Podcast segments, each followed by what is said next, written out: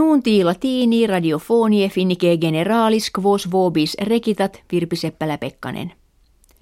Presidents Barack Obama kenset impetum brevem et circum scriptum contra exercitum syrie faciendum esse ut intelligatur neminem armis chemicis impune uti posse. Calendis septembribus USA nuntiavit se comperisse sarinum gasum infame et veneno sissimum contra oppositionem a copiis regiminis syrie Damaski adhibitum esse. Ictibus sarino factis plus mille quadringenti homines perierunt sed consensus de rebus contra Syriam gerendis non dum inventus est. Presidens Obama dixit se a congressu americano veniam velle antequam copiis imperaret ut impetum facerent. Congressus autem ante diem nonum mensis septembris non conveniet. In Britannia parlamentum prohibuit ne Britannii ictibus interessent.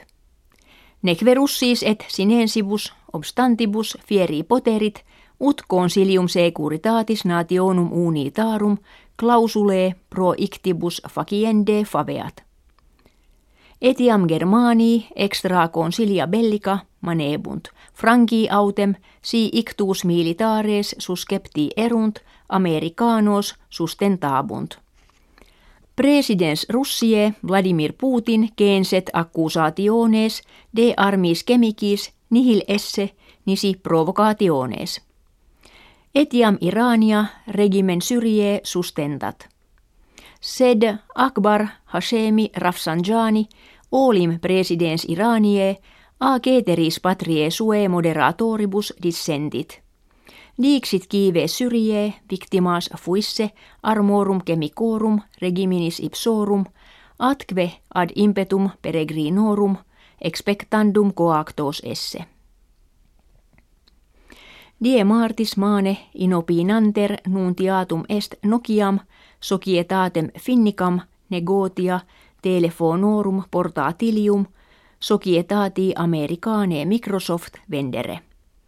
Post hac Nokia telefonulis faciendis olim princeps in mundo societas imprimis retibus informaticis operam dabit ex quibus di media fere pars negotiorum eius constat.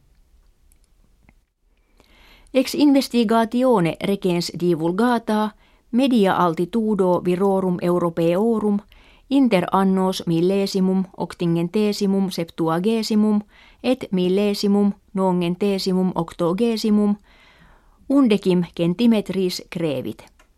Preter opinionem media altitudo virorum etiam inter bella mundana et recessionem economicam aucta est.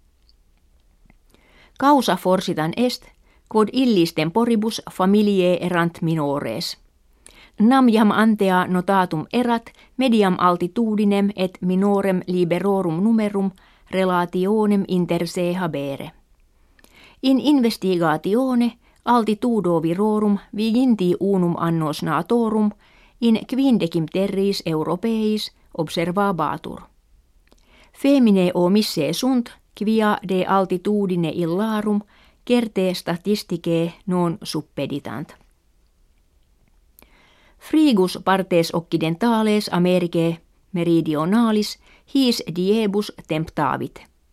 In montibus andis plus triginta milia animalium domesticorum in his pecora lame alpake propter tempestates nivosas interierunt.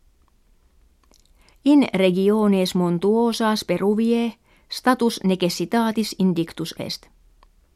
Etiam Bolivia et Paraguaia terrevi Kiine in solitis frigoribus labora verunt. Ita nunti finiti sunt, auscultaa toribus gratias agimus et valedigimus.